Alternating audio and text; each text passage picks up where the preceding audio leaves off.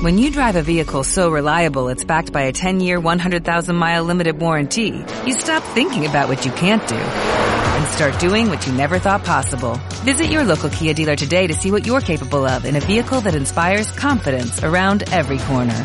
Kia, movement that inspires. Call 800-3334-KIA for details. Always drive safely. Limited inventory available. Warranties include 10-year 100,000-mile powertrain and 5-year 60,000-mile basic. Warranties are limited. See retailer for details.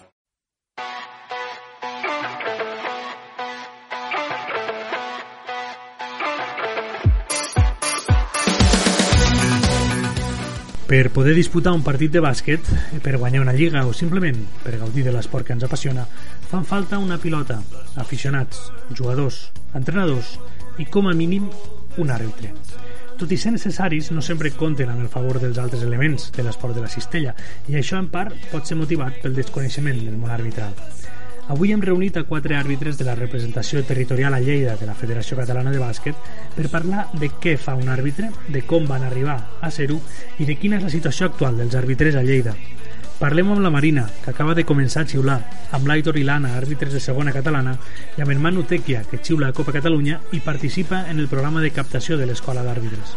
Ells ens explicaran el treball diari que fan per estar sempre preparats i xiular tres o quatre partits cada cap de setmana. Aquí comença la segona tertúlia de bàsquet d'aquí podcast.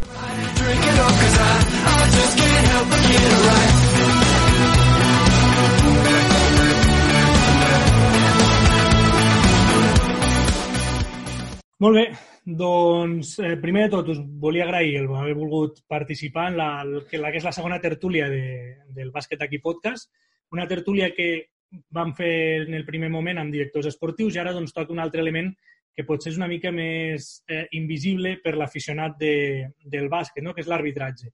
Eh, primer de tot, eh, voldria que us anéssiu presentant. Si voleu, comencem per, per l'Anna Borràs, que és la que tingui jo a la imatge al costat. Fem Anna, Marina, eh, Manu i, i Aitor. Vale? Presenteu-vos una mica, dieu quan, quan temps porteu arbitrant, en quina categoria esteu, una mica així.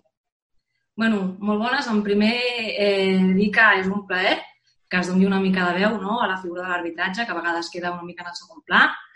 Um, jo sóc Ara Borràs, ara faré 32 anys. Em vaig iniciar en el món de l'arbitratge amb 27, o sigui, ara ja fa 5 temporades que, que arbitro. Ara estic a segona catalana. El meu, el meu ritme ha sigut, bueno, vaig passar per escola, vaig estar un anyet, després vaig passar a tercera catalana, comitè, allà vaig estar dos anys i ara estic, estic a segona catalana. Molt bé. Ma- Marina? Eh, bueno, jo em dic Marina, tinc 18 anys i és el meu primer any d'arbitratge, o sigui que estic a escoleta. Uh -huh. Eh, ma, bueno, de moment m'ha agradat, agradat molt aquesta mitja temporada que hem pogut fer i bueno, a veure l'any que ve què tal. Suposo que continuaré a escola, així que per mi ja em sembla bé. Aitor i Manu, qui vulgueu, dels dos. Em dic Aitor Douglas, 24 anys, estic ara mateix a la segona catalana i porto xiulant des dels 18 per segona vegada perquè vaig començar amb 7 però ho vaig deixar. Uh -huh. Bueno, soc el Manu Tequia, tinc 24 anys i enguany era la meva desena temporada. Vaig començar a finals del 2009. Eh, actualment és la segona temporada de Copa Catalunya i res, compaginar una mica amb, amb el tutoratge de l'escola d'àrbitres des de fa un parell de tres anys Uh -huh. i bueno, vinculat també a una mica la promoció arbitral, a, a que fer que l'escola creixi una mica en volum i, i qualitat. Una mica la feina que nos veu. Abans d'entrar amb, el, amb el tema de la promoció, us volia preguntar com us arriba a vosaltres el, el món de l'arbitratge? La possibilitat de poder entrar en el món de l'arbitratge. Per exemple, la, la Marina, que és la que porta menys temps, i després anem als altres dos. Vale, eh, bueno, a mi de fet m'ho va dir ma mare que me va dir per què no t'apuntes aquí, no sé quants? Perquè jo, jo el que volia d'un principi era ficar-me a, a taula federada Uh -huh. i no, no se m'havia passat pel cap fer, de, fer lo d'arbitratge i llavors quan, quan la mama em va dir que, que havien sortit inscripcions i per què no ho provava, que igual m'agradava i pues, ho podria utilitzar com a mm, mode de desfogue com- que diguéssim durant la setmana, llavors m'ho vaig repensar i, i pues sí, vaig, vaig dir, vinga, va, per què no ho provo? I a més també ha ajudat que també una amiga meva eh, junta, vam fer el curs juntes i bueno, ara també és àrbitre ella, o sigui que, no sé, va ser una mica com per provar. Mm -hmm. però bueno, m'ha agradat. I tu, per exemple, Aitor, com, com t'arriba aquest món? Doncs jo quan estava a l'institut van venir a fer una xerrada a l'institut sobre l'arbitratge amb una d'aquestes campanyes de captació i juntament amb el meu millor amic ens van convèncer en aquell moment de provar-ho, ho vam provar. Eh, jo ho vaig provar, vaig estar un any i després per un tema d'una lesió ho vaig, ho vaig deixar un altre any i vaig tornar a remanxar i el meu amic va, va seguir xiulant. Mm -hmm. Els altres dos, l'Anna i el Manu, dintre de la mateixa pregunta, però, clar, un coneix el món de l'arbitratge, però què és el que us fa eh, decidir provar i quedar-vos amb, aquest, amb aquest món? Eh, Anna, per exemple. Jo, jo, en el meu cas, és un cas una mica curiós i atípic, perquè jo, la veritat, no coneixia a ningú àrbitre. Jo l'he practicat tota la vida, l'esport, des de ben, ben petita. Vaig iniciar-me pues, amb, amb 8 anyets, des de premini. Mm -hmm. I, bueno, amb 26 anys vaig tenir una ensura amb la salut, fet que em va fer parar en sec una mica la meva vida i retirar-me de, de l'esport com a jugadora. Vaig marxar de viure a la ciutat de Barcelona, em vaig instal·lar a un poblet d'alta muntanya al Pirineu i un cop ja una mica refeta i tal, vaig començar a buscar algun equip sènior, femení, i per aquells indrets no n'hi havia. I va ser allà quan vaig plantejar-me, sense conèixer encara ningú àrbitre ni res, l'opció de, de, de ser àrbitre. I ja et dic, vaig agafar el telèfon, vaig trucar a federació, a l'Òscar em va dir, escolta, com ho tens per provar aquest divendres, pum pam, i la cosa va anar rodada. I a la que vaig començar amb l'arbitratge, doncs té, té alguna que no sé què, però t'enganxa. Sí, sí. I en el teu cas, Manu? Bueno, jo en el meu cas eh, va coincidir que, que bueno, vaig vindre per temes de família i tal a viure a Lleida, jo abans vivia a Tàrrega, i a la, quan estava estudiant a l'ESO va vindre el, el, bueno, el que portava el tema extraescolars de bàsquet de, del Joan Oró, que va ser on va acabar la- l'ESO, el, el Fèlix, Mm -hmm. i bueno, un, via un correu de la federació es va informar d'un curs d'àrbitres. Llavors ens van tantejar una mica els que formaven part de l'equip de bàsquet en aquell moment, els escolars, i vam entrar entre un grupet de 3 o 4. I al final suposo que l'ajuda d'anar acompanyat a una, a una entitat, una federació i no coneixis a ningú també et fa aguantar potser una mica més. I el que et compares d'igual a igual, doncs, potser aquesta competència sana i aquest aprenentatge que és nou per a tots, eh, fa que no li tinguis tanta por. I ja et dic, jo vaig entrar sense saber què era l'arbitratge, no m'ho havia plantejat mai a la vida, i al final suposo que també per la personalitat de cadascú, eh, també l'entra en una edat molt, molt temprana, molt jove, a la que et vas adonant de com és l'estructura de la federació, com està muntada, les categories i tal, doncs al final ho veus com una oportunitat també per créixer en un altre equip molt desconegut. I al final també una mica l'ambició de voler millorar i tal és el que m'ha fet quedar a dia d'avui que amb 24 anys porto de anys arbitrant i bueno, fins que aguanti, fins que tingui aquesta ambició de seguir treballant.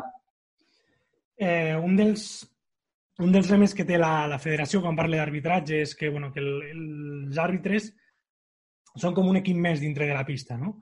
Eh, lo normal, quan un comença a jugar a bàsquet o quan està jugant amb equips de, de formació, és tindre referents de jugadors doncs, professionals, no? Vosaltres, com a àrbitres, quan comenceu, doncs, per exemple, Marina, eh, no sé si teniu un referent com a figura de, de l'arbitratge que digueu, hòstia, doncs mira, aquest àrbitre m'agradaria arribar on, on, on, on està ell. Bueno, jo, o sigui, jo quan vaig començar no tenia ni idea de, Mhm. de, de ningú, em pensava que sol era tota una categoria i que tots anaven a lo mateix. Però, bueno, quan ens van fer el curs, pues, també vaig veure, o sigui, quan els exemples que ens van donar, o per exemple va vindre el Manu també a, a dir-nos, a explicar-nos una mica com és, o com era, com era una mica l'experiència personal. Llavors, pues, ja agafes com una mica de, de referència i, i dius, buah, pues, algun dia podria arribar allí. Però no, no és que tinga un referent en concret, sinó simplement com que ens van vindre a, explicar una mica, pues, aquestes persones pues, sí que les tinc en plan una mica en consideració quan pues, ni saben molt, no sé quantos, i així, Mhm. saps? Però un en concret no en tinc. Aitor, per exemple, tu que portes més anys, que estàs més rodat, has conegut més gent, eh, suposo que aquest contacte també et fa doncs, crear una mica de poder marcar-te uns objectius, no? Sí, jo crec que ara mateix una mica tots els àrbitres de Catalunya, podria dir, tenen un referent molt clar, que és l'àrbitre en cap que tenim ara mateix, que és el Jordi Aliaga, Uh -huh. que sent una persona molt jove ha aconseguit arribar molt alt i amb un coneixement sobre el bàsquet molt extens. Llavors, jo crec que, jo crec que pràcticament tots els que estem ara mateix arbitrant a Lleida podríem dir que Jordi Aliaga és el nostre referent. Uh -huh. dels àrbitres que esteu aquí, mm, si no m'equivoco, la, la màxima categoria que xiuleu és segona, m'heu dit. Eh, Bueno, Manu, el Manu Copa, no? El, el Manu Copa. Doncs eh, explica'm, Manu, la, la línia temporal, diguéssim, que has anat fent. Des de que entres, mm, a quant temps has, has, has trigat en arribar fins, fins a xiular la Copa? Sí, jo penso que vaig fer el curs quan, quan tenia 15 anys, encara no havia fet 16. Uh -huh. Ara el, el requisit són començar als 16 anys, com a mínim. I jo, bueno, per tema del que faig del futbol d'octubre i tal, pues, vaig fer el mateix any. I penso que fins als 18 anys vaig estar a l'escola. Llavors vaig estar compaginant també jugant a, a bàsquet, vaig fer un últim any de jugador al Pardines a júnior. Però bueno, ja com per finiquitar, per tenir el gusanillo. Jo realment ja veia que hi havia una oportunitat amb l'arbitratge de, de veure un món diferent i vaig apostar ja als 18 anys per pujar a tercera catalana. Vaig estar un anyet, després vaig fer el salt a segona catalana l'any següent, vaig, vaig fer una mica any a any, Uh -huh. tercera a segona, i després a primera catalana vaig estar, va ser el salt ja pues, a l'arbitratge d'àmbit autonòmic. Ja viatges més a Barcelona, més Catalunya, Uh -huh. al final tot és un embut, també la qualitat del nivell arbitral a Barcelona és, és alta i llavors allà vaig estar tres anyets, penso. També a nivell arbitral doncs, has de madurar molt ràpid, has de... Doncs, buits de reglament que pots arribar a tindre, doncs, estudiar més, vull dir, és molta feina realment.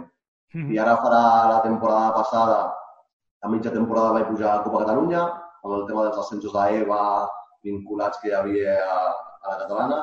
I res, aquesta és la meva primera temporada completa, que, que no l'he pogut acabar, però aquesta, si l'hagués acabat, ha sigut la meva primera temporada completa. Porto un any i mig a, Copa Catalunya. Mm. Ara que em parlaves de l'aclimatació, us volia preguntar, no? Parlàvem també abans, us deia, lo de eh, el, eh, reconèixer l'equip arbitral com un equip més dintre la pista. Potser vosaltres, el, el col·lectiu, sou el col·lectiu que més formació contínua té, perquè els entrenadors al final doncs, depenen del club, perquè són membres del club, els jugadors, la formació que tenen són els entrenaments. Eh, expliquem una mica, en funció de les categories, quina és la formació que rebeu o, o en quins períodes mm, de temps aneu, aneu formant-vos. Per exemple, Anna, explica'm tu. Bé, bueno, jo penso que a nivell de la Federació Catalana es fa, es fa bona feina. Nosaltres eh, tenim dos testos teòrics obligatoris al, al llarg de la temporada, dos de pràctics, que són la Cusnavet, que depèn doncs, de franja d'edat, de sexe, doncs estàs obligat a fer equips números mínim. Uh -huh. I, i bueno, després també a aquells àrbitres doncs, que per bé o per aptituds o per ganes mostren més interès, també se'ls ofereix formar part d'un programa de tecnificació, que aquí també parlaves abans de referents, és veritat que el Jordi Aliaga jo crec que per tot àrbitre català, inclús espanyol, és un, no? és un referent, però després aquí també tens l'oportunitat doncs, per, de tindre professors. Jo, per exemple, vaig tindre l'any passat Sandra Sánchez, que és una noia que està a l'Eport i que probablement en breus també la veurem a la CB, i això bueno, et va impregnant una mica en mica. Després també tenim xerrades obligatòries i optatives i la veritat bueno, que des de darrere es fa, es fa bona tasca per estar, al final, trepitgem setmana rere setmana la pista, són molts partits que hem d'afrontar Uh -huh. i el fet de trepitjar la pista segur és el que et fa disfrutar una mica de la teva feina. Perquè tot i anar, tot i, anar fe, tot i fer feina, ja en tenim, no de moments complicats, o sigui, tot allò que Mhm. puguem anar preparats, benvingut sigui. I vosaltres, Marina, els que comenceu ara, quin, quin tipus de, de formació rebeu? Bueno, una mica la mateixa, eh? Mhm. Mm, fer, anar fent testos obligatoris i també així, ara durant la quarantena n'hi ha, -huh. n'hi ha adoptatius. Um, I, bueno, xerrades que anem de tant en quant, que són obligatoris, també n'hi ha adoptatives, com ha dit l'Anna. Uh -huh. I, bueno, bàsicament això, però sí que el curs d'iniciació sí que té, són, són dues setmanes molt intenses que, que t'expliquen moltes coses i potser no et quedes amb tot perquè és impossible, però, però bueno, aprens molt. I també vam fer, al curs d'iniciació també vam fer pràctica, o sigui, vam anar a, a un pavelló a, a mirar una mica com, com són les postures, sobretot, perquè és molt important, -huh. i, i, i bueno, anar fent, vam fer una mica de tot. El, el bàsquet, bueno, com tot, a la vida va, va evolucionant, no? s'ha tornat un, un joc que potser ara és més ràpid, més, eh, hi, ha, hi ha un contacte diferent al que hi havia potser fa, fa 10 anys. Suposo que això també us, us afecta a vosaltres en el tipus d'arbitratge i en l'evolució de l'arbitratge. Com, com us afecta realment això, Aitor? Nosaltres cada any a principi de temporada fem una xerrada que és obligatòria per a tots, que li diuen, li diuen stars, on allà el, el que són els caps de la federació ens marquen una mica les pautes a seguir en quant a criteri durant la temporada. Mm -hmm. Ens expliquen una mica doncs, com què han vist de la temporada passada, com ha evolucionat el bàsquet i quin és el criteri que nosaltres hauríem d'adaptar als partits per xiular depèn de quines situacions. Llavors, mm. doncs, cada any hi ha petits canvis que es va sumant any rere any i fan que el bàsquet vagi evolucionant tant arbitralment com a la pista. I com, com prepara un àrbitre un partit? Perquè no és el mateix pitar o xiular a l'Alpicat de Copa que al, Pardinyes femení, per exemple, que juga a tercera catalana i el ritme, el, el, el, joc és diferent. Com, com prepareu vosaltres, ja que estàs una mica per tots, potser menys per la Marina que pita escola i al final, doncs, escoles que els nens corrin i, i que no es facin tan mal, però els altres tres, comencem Anna, Manu i Aitor, com prepareu els, els partits? Bueno, nosaltres quan els dimecres, bueno, a les 7 de la tarda rebem les designacions, eh, jo una de les primeres coses que faig és mirar la, la classificació, aviam, doncs, equip local, equip visitant, que s'enfrenten. És diferent que trobis un partit que, que va un primer i l'altre va últim per la cua, com que trobis un cinquè contra un sisè. Després recorre una mica també a resultats de partits anteriors de, de l'anada, quan s'hagin trobat prèviament mm. com ha quedat el resultat. Mirar l'acte, si ha sigut un partit complicat, si hi ha hagut tècniques antiesportives. Ara mateix, en les categories que no són de promoció i que es funciona amb acte digital, doncs també pots mirar una mica no? el jugador pues, eh, més pioner amb el tema de l'acte digital, el Manu sobretot ho dirà, que a Copa segurament és un recurs que ell tira sí o sí. I, i bueno, després també, vulguis o no, a la Federació de Lleida eh, som pocs àrbitres, i això justament en un estatge va ser una de les coses que Jordi Aliaga va mencionar, que potser els clubs ens veuen més sovint del que tocaria les cares -huh. I al final raro és el partit que vagis i que tu no sàpigues a l'entrenador de quin peu calça o el jugador complicat, no? que et pot complicar el partit o que bàsicament l'has de tindre una mica eh, remant al teu costat perquè saps que ajudarà, et pot ajudar en un moment complicat del partit. Al final són moltes coses a valorar. Sí, sí, sí. sí. Aitor i Manu, com, com ho feu vosaltres? Com prepareu un partit? Bueno, una mica igual que l'Anna. Vull dir, al rebre les assignacions un dimecres vespre, doncs ja comences a mirar, a fer una mica scouting mínim de, dels equips. Si són a nivell de, de Copa Catalunya, per exemple, tenim a la web una base de dades de doncs, jo sé, tant percents de, de, de, de si juguen molt per fora, els mm -hmm. quins jugadors són líders, doncs la classificació, també saber una mica com funcionen les bases de competició i en quin moment de la temporada estàs, a veure si estan involucrats en possibles ascensos, descensos, i quina tensió es pot, pot haver al partit. Per una mala dinàmica de l'equip, que l'entrenador pugui apretar de més, de menys... Són molts factors que has de tenir en compte, -huh. però al final eh, has d'arbitrar el que hi ha a la pista. Vull dir, per molt que hi hagi una classificació que sigui un primer contra últim, al final l'últim igual hi fot moltes més ganes perquè se juga molt més. Uh -huh. I al final no deixa de ser una, una dada orientativa. Vull dir que, la després has d'arbitrar el que passa a la pista. Vull dir, ser el més objectiu possible. Totalment d'acord. De fet, a la xerrada prepartit també, moltes vegades amb l'altre àrbit, això de que, hòstia, doncs jo he coincidit amb aquest equip, amb aquest, amb aquest equip abans i mm. tenen un joc que depèn molt dels pivots o que juguen molt exterior. I llavors també amb aquesta xerrada ja ens fiquem en situació i en tensió per saber més o menys què ens espera el partit. Luego mm. ja el que passi a la pista no ho pots predir. Parlava l'Anna fa un moment de la potser falta d'àrbitres a, a Lleida a partir d'un nivell, no? perquè pues el que dius, no? Són, són pocs i al final, doncs, si tothom no, no pares de rodar als mateixos equips, doncs al final es creen, es creen unes relacions. Com veieu, perquè això també afecta al, al nivell de l'arbitratge, al final, com, com veieu el, el nivell que hi ha a Lleida, com a àrbitres comparant-ho doncs, amb Barcelona, que, que potser ho coneixeu també de relació?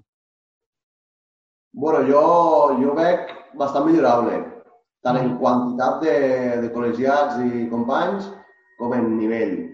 -huh. ¿vale? Al final sempre te, te compares una mica amb el que tens al voltant.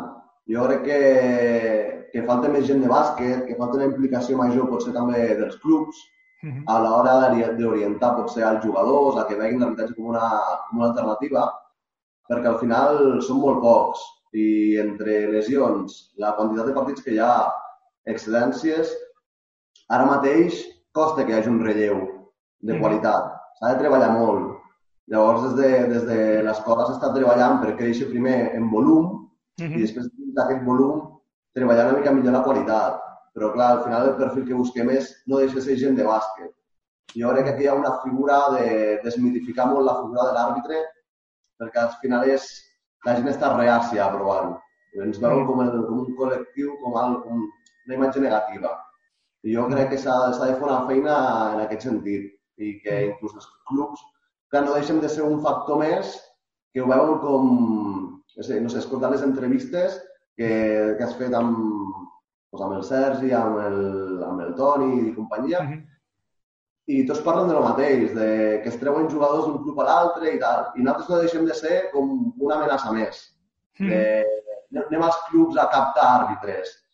Clar, moltes vegades la rebuda no, no és positiva. O moltes vegades es fan uns esforços brutals a nivells de preparar xerrades o fer-ho més atractiu, però clar, vulguis o no, no deixa de ser que els esforços d'aquestos no, no valen res. I estem, estem enfocats molt també als instituts. -huh. Instituts de formació professional, d'ESO, batxillerat, INEF...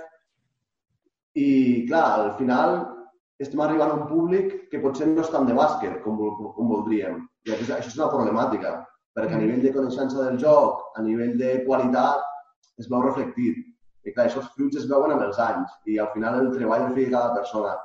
I jo personalment penso que falta més gent de bàsquet amb coneixements del joc i penso que els clubs també han d'orientar una mica a certs jugadors o, o rebre'ns una mica amb les portes més obertes a, a que certs jugadors puguin formar part del nostre col·lectiu. Però, de fet, eh, que els clubs us veguin com un, com un rival més a l'hora de captar no hauria de ser un problema, perquè tu mateix explicaves i la Marina també ara mateix, o fins a aquesta última temporada, era jugadora i ho, i ho ha pogut compaginar amb, amb l'arbitratge, fins a arribar a un nivell mm, la federació o l'RT de Lleida no posa problemes en, en poder compaginar les dues activitats.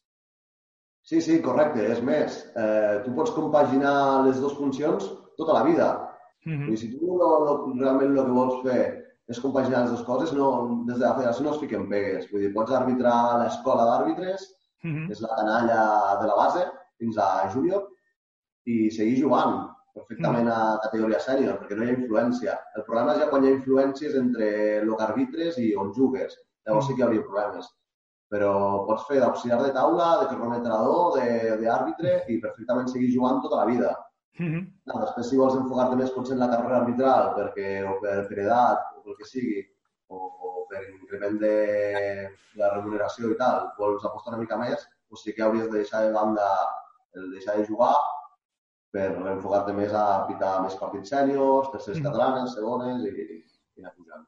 Vo- Vosaltres que heu set tots gent jove, gent de bàsquet, eh, quin creieu que, o on creieu que pot estar el problema d'aquesta falta de captació, més enllà de que hi hagi molta gent, doncs, com diu el Manu, no? que vas als instituts i hi ha gent que juga a futbol i el bàsquet li dona absolutament igual. Però on creieu que pot estar aquesta clau per, per arribar a més gent de, de bàsquet o, o potser està mal dit, però netejar aquesta imatge que té l'àrbitre dins del, del col·lectiu del bàsquet? La pregunta general, eh? és per tothom. Jo, jo penso que, que potser és, és gent la que se- s'embauca a provar no, amb, amb la professió, però després vaig llegir un, una, una data, que també no, no sé fins quin punt és veraç o no, però venia a dir que el 70% dels àrbitres als 3 anys abandonaven.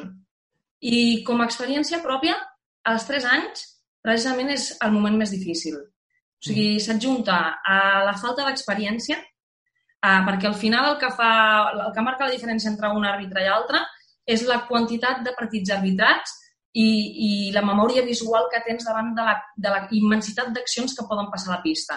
Mm -hmm. Llavors, és la manca d'experiència, la manca de coneixement de reglament, la, la, la difícil de, de, de gestionar no? amb, amb, amb situacions conflictives, ja sigui entrenadors, tal, i potser estaria bé també intentar planar una mica més el terreny en els àrbitres de dir, això passarà. O sigui, jo a, a, al quart any d'arbitrar, quan sortia dels pavellons i la grada no, no m'increpava, no em deia res, jo pensava, però què li passa a aquesta gent? Com és que no m'insulta? No, com és que no em diu res, saps? Mm. I sí que és veritat que és que a mesura que anem agafant confiança i tal, mostrem més credibilitat i, evidentment, els errors existeixen. Però com que tu també et vens d'una altra manera, doncs la gent també pues, pues, es mostra diferent. Mm. I sí que fa falta captació, però també fa falta que en aquests hem deixat escapar algun àrbitre. Per exemple, Aleix Ferran, sense anar més lluny, a mi em va sorprendre molt. Va ser un àrbitre que, que, bueno, que se'l veia amb potencial. I jo crec que és una mica allò d'aplanar una mica el terreny. Jo vaig començar amb 27, però hi ha nens que comencen amb 16, mira el Manu, amb 15, en tenia 15. I és allò bueno, doncs que, que encara tenen una personalitat molt per fer. I, evidentment, jo també tiraria la tovallola. És allò de, keep mm. calm, tot arribarà, ja veuràs com tot això passarà. Sí. Mm. Aquesta temporada, de fet, sortia eh, en relació amb el bàsquet, el, el Pardines, per exemple, de Le Plata, comptava amb la figura d'una psicòloga esportiva.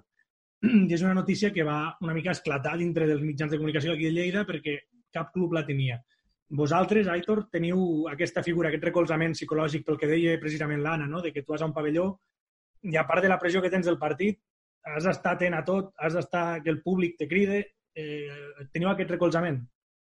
Realment, com a tal, no tenim una figura dintre de la federació que sigui el nostre psicòleg, però sí que moltes vegades entre nosaltres mateixos ens donem aquest suport que potser ens fa falta després d'un partit. Precisament aquesta temporada passada vaig tenir un partit molt complicat, no pel partit en si, sinó per l'actitud dels jugadors a la pista, uh -huh. i a l'acabar el partit, un company meu, bueno, vam fer una trucada per telèfon, vam estar parlant una estona, i justament aquest, aquest recolzament o aquestes forces que et, fa, que et fallen en aquell moment, pues, entre nosaltres ens les donem moltes vegades. Mm el, el problema potser també és una mica mm, relacionat també amb el que deia l'Anna, no? és una mica d'educació no només per part dels clubs, sinó per part de casa, i era una pregunta que, que us he de fer i, i també pues, centrada també amb la, amb la Marina, que és la que, la que arbitre escola, eh, el paper del, dels pares a, a, com a aficionats de bàsquet, jo sempre recordo, jo, jo vaig ser entrenador, vaig ser jugador, eh, i sempre recordo que hi havia un moment de la temporada en què dèiem, hòstia, és que els pares a vegades no els haurien de, de deixar entrar aquí o fer, o fer un control dels pares que entren. Vosaltres heu viscut, o per exemple la Marina, que amb, amb l'escola, no? Has viscut aquestes situacions de pares que sent crios estan més centrats en l'arbitratge que amb el que els nens s'ho passin bé?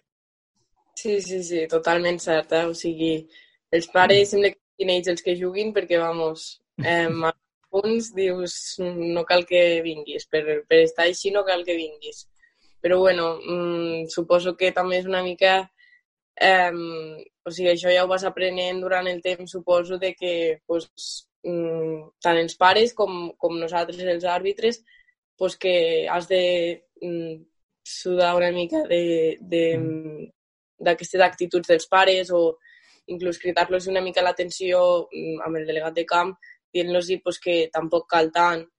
Però bueno, jo no m'he trobat en cap situació que hagi d'actuar d'aquesta manera, però bueno, Um... Al, al final, al final sentim-vos sentim parlar, sembla que, que el ser àrbitre obligui, sí o sí, a tindre que arribar a passar-ho malament dintre d'un partit. No? I al final, vosaltres esteu fent l'esport, també esteu dintre del bàsquet, i el bàsquet, i com tots els esports, és per, per gaudir-lo. No sé si dintre del, del treball de la federació hi hauria d'haver també, us, us ha plantejat algun cop, un treball amb, amb equips, amb clubs, per educar-vos tots a, a poder a poder gaudir tots junts d'aquest esport. Jo, jo, Ramon, al meu favor haig de dir que, per exemple, aquest any, per mm. decisió pròpia, vaig decidir posar-me en mans d'una psicòloga d'esports. Uh mm-hmm. -huh. El que vam fer va ser unes vuit sessions amb Skype, en el que, sobretot, tractàvem això, com lidiar amb, amb, amb la tensió que respira la pista,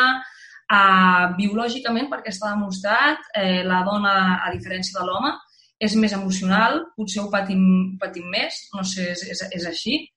I, i bueno, el fet que comentaves de que sensibilitzés una mica més no? a clubs, a, a, a, als, als aficionats, això jo quan vaig iniciar-me en el món de l'arbitratge vaig pensar que, que hi havia molta, molta, molta feina a fer i, i bueno, sent un perfil sènior d'àrbitre, que tinc 32 anys farem breus i que probablement també ets conscient que el meu recorregut arbitral doncs, serà el que serà, el dia de demà he pensat que potser podria, podria portar una mica amb això. Sí que estem veient alguna iniciativa que sembla ser que en algun pavelló, quan vas, veus algun panel, no?, de que es, es, es recalca una mica que l'àrbitre és persona, que l'àrbitre s'equivoca... Però, bueno, sí que ens toca. Ens... També et diré que aquests moments difícils que no sé si la Marina encara li ha tocat viure o no, però el, el Manu i l'Aitor segur que els, ha, que els ha viscut, també ens fan més forts. Ens fan més forts mm. i, i forma part d'aquesta professió. Sí. Mm. No sé, ja et dic, no sé si ho teníeu, si s'havia plantejat algun cop des de l'RT, però crec que doncs, veient que l'equip, el, el Pardines ha funcionat, doncs aplicar-ho a l'arbitratge i tindre un tutor psicològic dintre d'això potser us podria, us podria funcionar. Eh, us volia parlar, més enllà de, de, del ser àrbitre, i quan, entenc que vosaltres també sou consumidors de bàsquet, que aneu a veure partits o els veieu per la tele, encara que sigui una, un partit d'Eurolliga.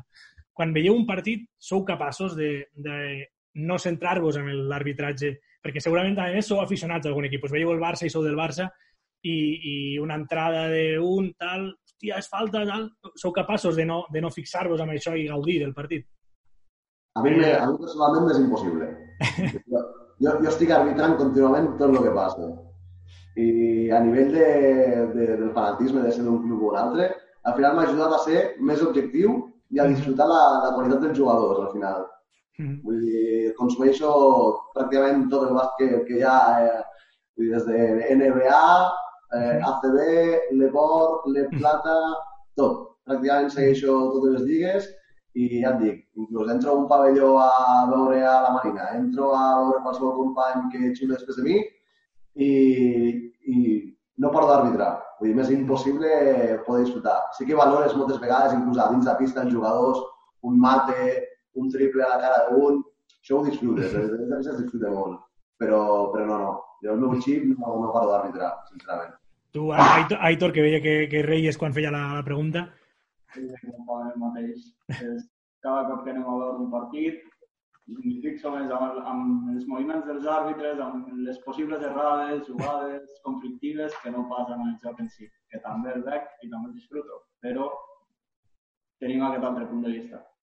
I tu, Marina, com a jugadora, quan, quan surts a jugar, surts a pista, com, com vius aquest canvi de, de rol de jugadora a, a àrbitre? Bueno, eh, jo fins ara he jugat tota la meva vida, ara també, mm. eh, i bueno, el canvi aquest de, que, de passar de ser només jugadora a jugadora i àrbitre també m'ha servit molt per, pues, per potser no saltar tant a la primera o, mm. o no... Mm, bueno, per suposat no faltar el respecte mai, perquè en plan sé el que és i pues, no, no li agrada a ningú i per molt que sigui àrbitre no vol dir que no li afecti o, mm. o aquestes coses, sí. Mm, per això, en plan, he intentat pues, sempre ser, mm, encara que no estigui d'acord amb la decisió, eh, pensar, pues, bueno, eh, s'ha de respectar. Mm -hmm. No enfadar, eh... res. Imagineu-vos ara que, que per, pel motiu que sigui, no, des de la federació us, us truquen i, i us diuen mira, eh, volem aplicar canvis en el món de l'arbitratge i ens agradaria que vosaltres ens expliquéssiu doncs, quins canvis considereu que estaria bé eh, realitzar. No 15 o 20, sinó un o dos concrets. Eh, quins canvis aplicaríeu en, en el món de l'arbitratge, ja fos la formació, el, el, repartiment de partits, el, el que es demana per pujar a nivell? No sé, quins canvis aplicaríeu, Anna, per exemple? Pues, mira, jo el primer que et diria, perquè jo venint, venint del Pirineu, a mi el que va ser, per exemple, el curs d'iniciació a l'arbitratge teòric, a mi em va ser molt difícil. Tenia hora 45 d'anada, hora 45 de tornada per una única hora, no? Mm -hmm. I ara tot just amb el tema aquest del Covid i tal, doncs jo ampliar, o sigui, que el món digital i que la formació digital estigués molt més a l'ordre del dia.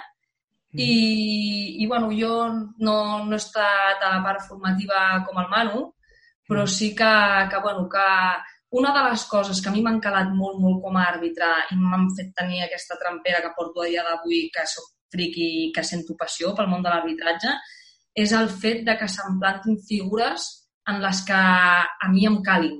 Que jo mm. tingui davant aquella persona i si jo ja porto no, el bàsquet a la sang, doncs que aquella persona encara potenciï molt més aquesta sensació. Crec que això és clau, sí. Aitor i Manu, per exemple, quins canvis eh, considereu que podrien aplicar? Sí? Jo, trobo que la, la prova física que ens fan no s'adequa al nivell d'exigència que hi ha en una pista. Mm -hmm. Trobo que eh, fer la curs navet i aguantar 10 minuts no t'assegura que en un partit puguis rendir al 100% durant tot el partit. Mm I -hmm. molt menys eh, quan en una setmana fas 4 o 5 partits. Trobo que hauríem de trobar una altra forma d'avaluar la capacitat física que tenim els àrbits per enfrontar els partits. Mm -hmm. Jo penso que és molt, és molt important la, la figura del psicòleg esportiu, vale? Una, un assessorament, perquè al final el primer any estàs en un món nou i el primer any per mi és el més difícil, més que el tercer, quan, com a dit ara. Perquè la meva experiència i pel que he vist, companys han plegat sempre el primer any. Han provat i, clar, potser no tenen aquell, aquell seguiment més psicològic, més de d'acompanyar-los al primer partit i tal, i això s'està fent des d'aquest any, acompanyar la gent als primers partits federats i tal, però el dia així eh, no, no és suficient. Penso també inclús per categories més altes, clar, això ja depèn de, de tu, de la teva personalitat, del treball que fas tu, de lo que indagues, lo que investigues, i al final penso que tindré des de la federació un psicòleg esportiu i, per altra banda, també un preparador físic, ja sigui per, simplement com a, com a assessorament, no un servei personalitzat a cadascú, Mm -hmm. però no deixem de ser uns esportistes més que necessitem una planificació anual. Sí. Per la temporada transcorre, hi ha molts, molts, molts moments de la temporada que hem d'estar Mhm. més en forma, menys, per passar les proves físiques, i al final, si es pretén que siguem esportistes, jo penso que també hi ha d'haver un- una ajuda, una ajuda externa per assessorar molta gent que no té, no té coneixements, no té nocions en aquest tema. Serien Fem- més. Fem una cosa, nois, perquè bueno, hi ha un límit de temps de la, la reunió de Zoom. Eh, tancaré un moment i us enviaré una altra invitació perquè ja hem complert els 40 minuts i encara em queda alguna cosa per preguntar-vos. Us torno a enviar una invitació pel, pel mateix, la mateixa conversació d'Instagram, d'acord? I tornem a entrar. Moltes gràcies. Endavant. Bé, estàvem amb el tema de, dels canvis tu, Marina, que ets més, més, més nova en el món de l'arbitratge. Amb aquest temps que portes, quin creus que o quina cosa s'hauria d'afegir amb, amb el tema formatiu o, o de nivell vostre? Bueno, jo estic d'acord amb el Manu de que s'hauria de ficar un psicòleg esportiu perquè la veritat és que és molt dur haver de- d'aguantar certes coses. Mm. Eh, però tot i així penso que, per exemple, el meu tutor arbitral, que és el Jordi Geneu, fa una feina excel·lent, o sigui, sempre m'ajuda amb tot el que pot i si Mhm. tinc un problema mm, intenta solucionar-lo.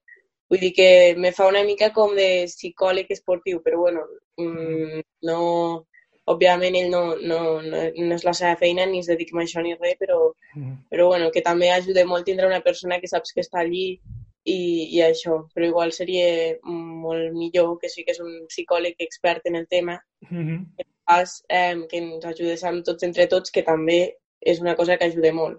-hmm. Sobre el tema aquest del tutelatge, us volia preguntar, eh, dure sempre? Fins quan dure? Com s'organitza? No sé si algú de vosaltres doncs, me ho pot explicar algun dels, dels veterans. Bueno, t'ho explico jo, que estic una mica més ficat a l'escola. Perfecte. Tema tutoratges, eh, al final a l'escola hi ha tres categories i sempre estan tutoritzats per, per, un, per un àrbitre amb més experiència, ja sigui Primera Catalana o Copa Catalunya.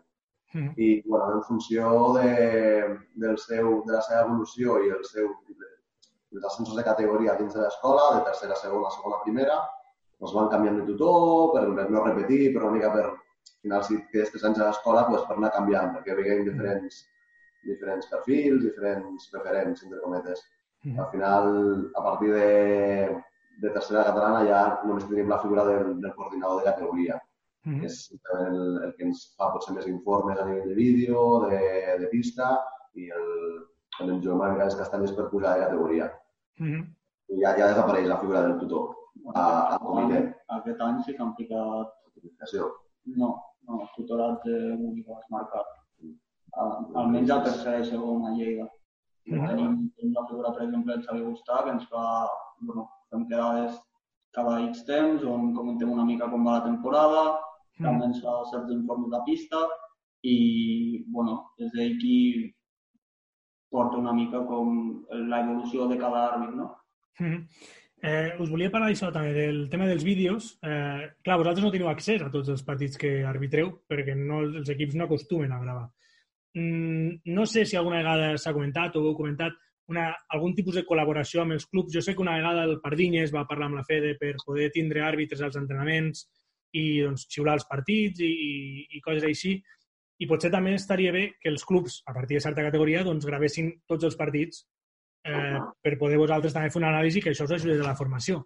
Això ara mateix no, no funciona, no? Només graveu vosaltres o la federació són els que graven els partits concrets.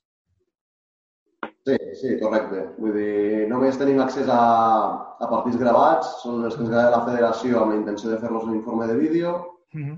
o ja a categories més altes pues, els has de demanar pues, a l'entrenador a veure si te'ls envia, a Mhm. algun jugador que coneixes que tens una mica més confiança, Mm o jo, sé, en el cas pel, pel Xala i amb xala.cat, aquesta plataforma online i tal que, que Mhm. els equips de Catalunya que fan, tres a la setmana. I, bueno, una mica així, si no, doncs et grava un amic, et grava un familiar, sobretot als inicis. Mm I al final seria molt interessant una col·laboració amb, amb, els clubs perquè per tindre accés a, a tots els partits, perquè al final la, la nostra millora, de, si volem realment millorar, depèn de nosaltres i, i jo personalment ho agrairia eternament per, per mirar-nos i, i millorar. Per I, anar... jo, jo, sí. jo després també, perdona Ramon, també el que trobaria, per exemple, interessant és hi ha, hi ha certes coses de base que, que, bueno, que potser que la figura d'un àrbitre es plantés un dia entre setmana un entrenament amb xiquets que estan a cadet o inclús júnior, Uh, per exemple, el típic tacteig, que el veiem molt i que a nosaltres ens frena molt el ritme de partit, i nosaltres l'últim que volem frenar és el ritme de partit, però ens veiem obligats doncs, parlar-los una mica del concepte del cilindre, del tacteig, de quatre coses bàsiques que, evidentment, no explicar no? Tot, tot el reglament, però sí que, que, no sé, que un o dos, un cop a la temporada es pogués presentar un àrbitre a un entrenament i amb, amb, amb una sessió express doncs, donar aquestes, aquestes quatre cosetes que segurament que els jugadors agrairien molt i nosaltres al partit in situ també ho agrairíem una barbaritat. Sí. Mm -hmm. Doncs aquesta, per lo que per mi, per mi fa dintre del club on estic, eh, sí que ens la, me, me l'apunto i la, la transmetré per, per comunicar-ho a la Fede. Us volia preguntar, per últim, perquè tancarem preguntant-vos pel, pel tema de, de la captació i entenc que d'això me respondrà el, el Manu, sobretot, però per tancar una mica això, us volia preguntar eh, em, que m'expliquéssiu una, una anècdota que vosaltres recordeu en el món de l'arbitratge que us hagi marcat en la vostra carrera i en el cas de la Marina, doncs una d'aquesta temporada. Eh, comencem per, per l'Aitor i... Jo de fer memòria. Ara? Moltes vegades ho penso i les anècdotes que al final ens expliquem queden una mica en petit comitè. Són, són potser més fora de la pista que dins de pista, però bueno, comentaris ocorrents sempre n'hi ha, caigudes, Mm -hmm. situacions, comentaris amb entrenadors, vull dir, ara mateix així una en concret O un partit, o un partit que recordeu que dius, hosti, doncs mira, me'n recordo quan el primer partit que vaig pitar, no sé, la Copa, que va ser aquest, i, i... No sé, Anna, per exemple, alguna, algun record que tinguis del, de Alguna l'arbitratge? Sí. Jo alguna anècdota? Sí. Doncs pues mira, a mi em ve en ment la meva primera tècnica. Jo tenia pavor a les tècniques. Jo no tenia confiança en mi mateixa com a àrbitre, l'equipació d'àrbitre no me l'havia fet meva, em, plantava allà i ja portava diversos partits eh, arbitrats i me'n recordo a Andorra a la meva primera tècnica que vaig anar en el Jaume, no? en el coordinador d'Andorra, li vaig pitar una tècnica i al final de tot em va vindre tot moix amb el cap abaixat oh, és que fa 11 anys que no em pitaven una tècnica. I jo dic, pues, jo no n'havia pitat mai cap. Estàvem una mica en la mateixa situació, sí. Sí, sí. Eh, tu, Marina, per exemple? Eh, bueno, jo, jo tinc poca experiència, com ja hem dit, però recordo un dia que vaig anar a pitar a Tàrrega i després havia de passar per, per un supermercat per comprar unes coses i em vaig trobar una de les nanes de, que jugaven al Tàrrega, una, una, eren preminis o minis, ara no recordo. I, i estava amb, amb, amb el seu pare allí i li va dir mira, aquesta és la que ens ha pitat avui, no sé quantos. I li va fer com molta il·lusió um, trobar-me allí i, no sé, sense, per molt, no sé si van guanyar o van perdre, ara no recordo, però no sé, me va transmetre aquesta alegria que li va fer la il·lusió de trobar-me i son, pare, son pare també dient-me m'han passat bé, no sé què, i jo sí, sí, Mm -hmm. va ser molt bonic. Personificar, no? La figura és com quan ets petit i et trobes els profes fora de classe i, Exacte. sí, i també va pel carrer. Una mica... Doncs, eh, ara sí, per anar acabant, Manu, et volia preguntar, tu que estàs més vinculat amb el tema de, de l'escola, com, com està funcionant el tema de, de la captació?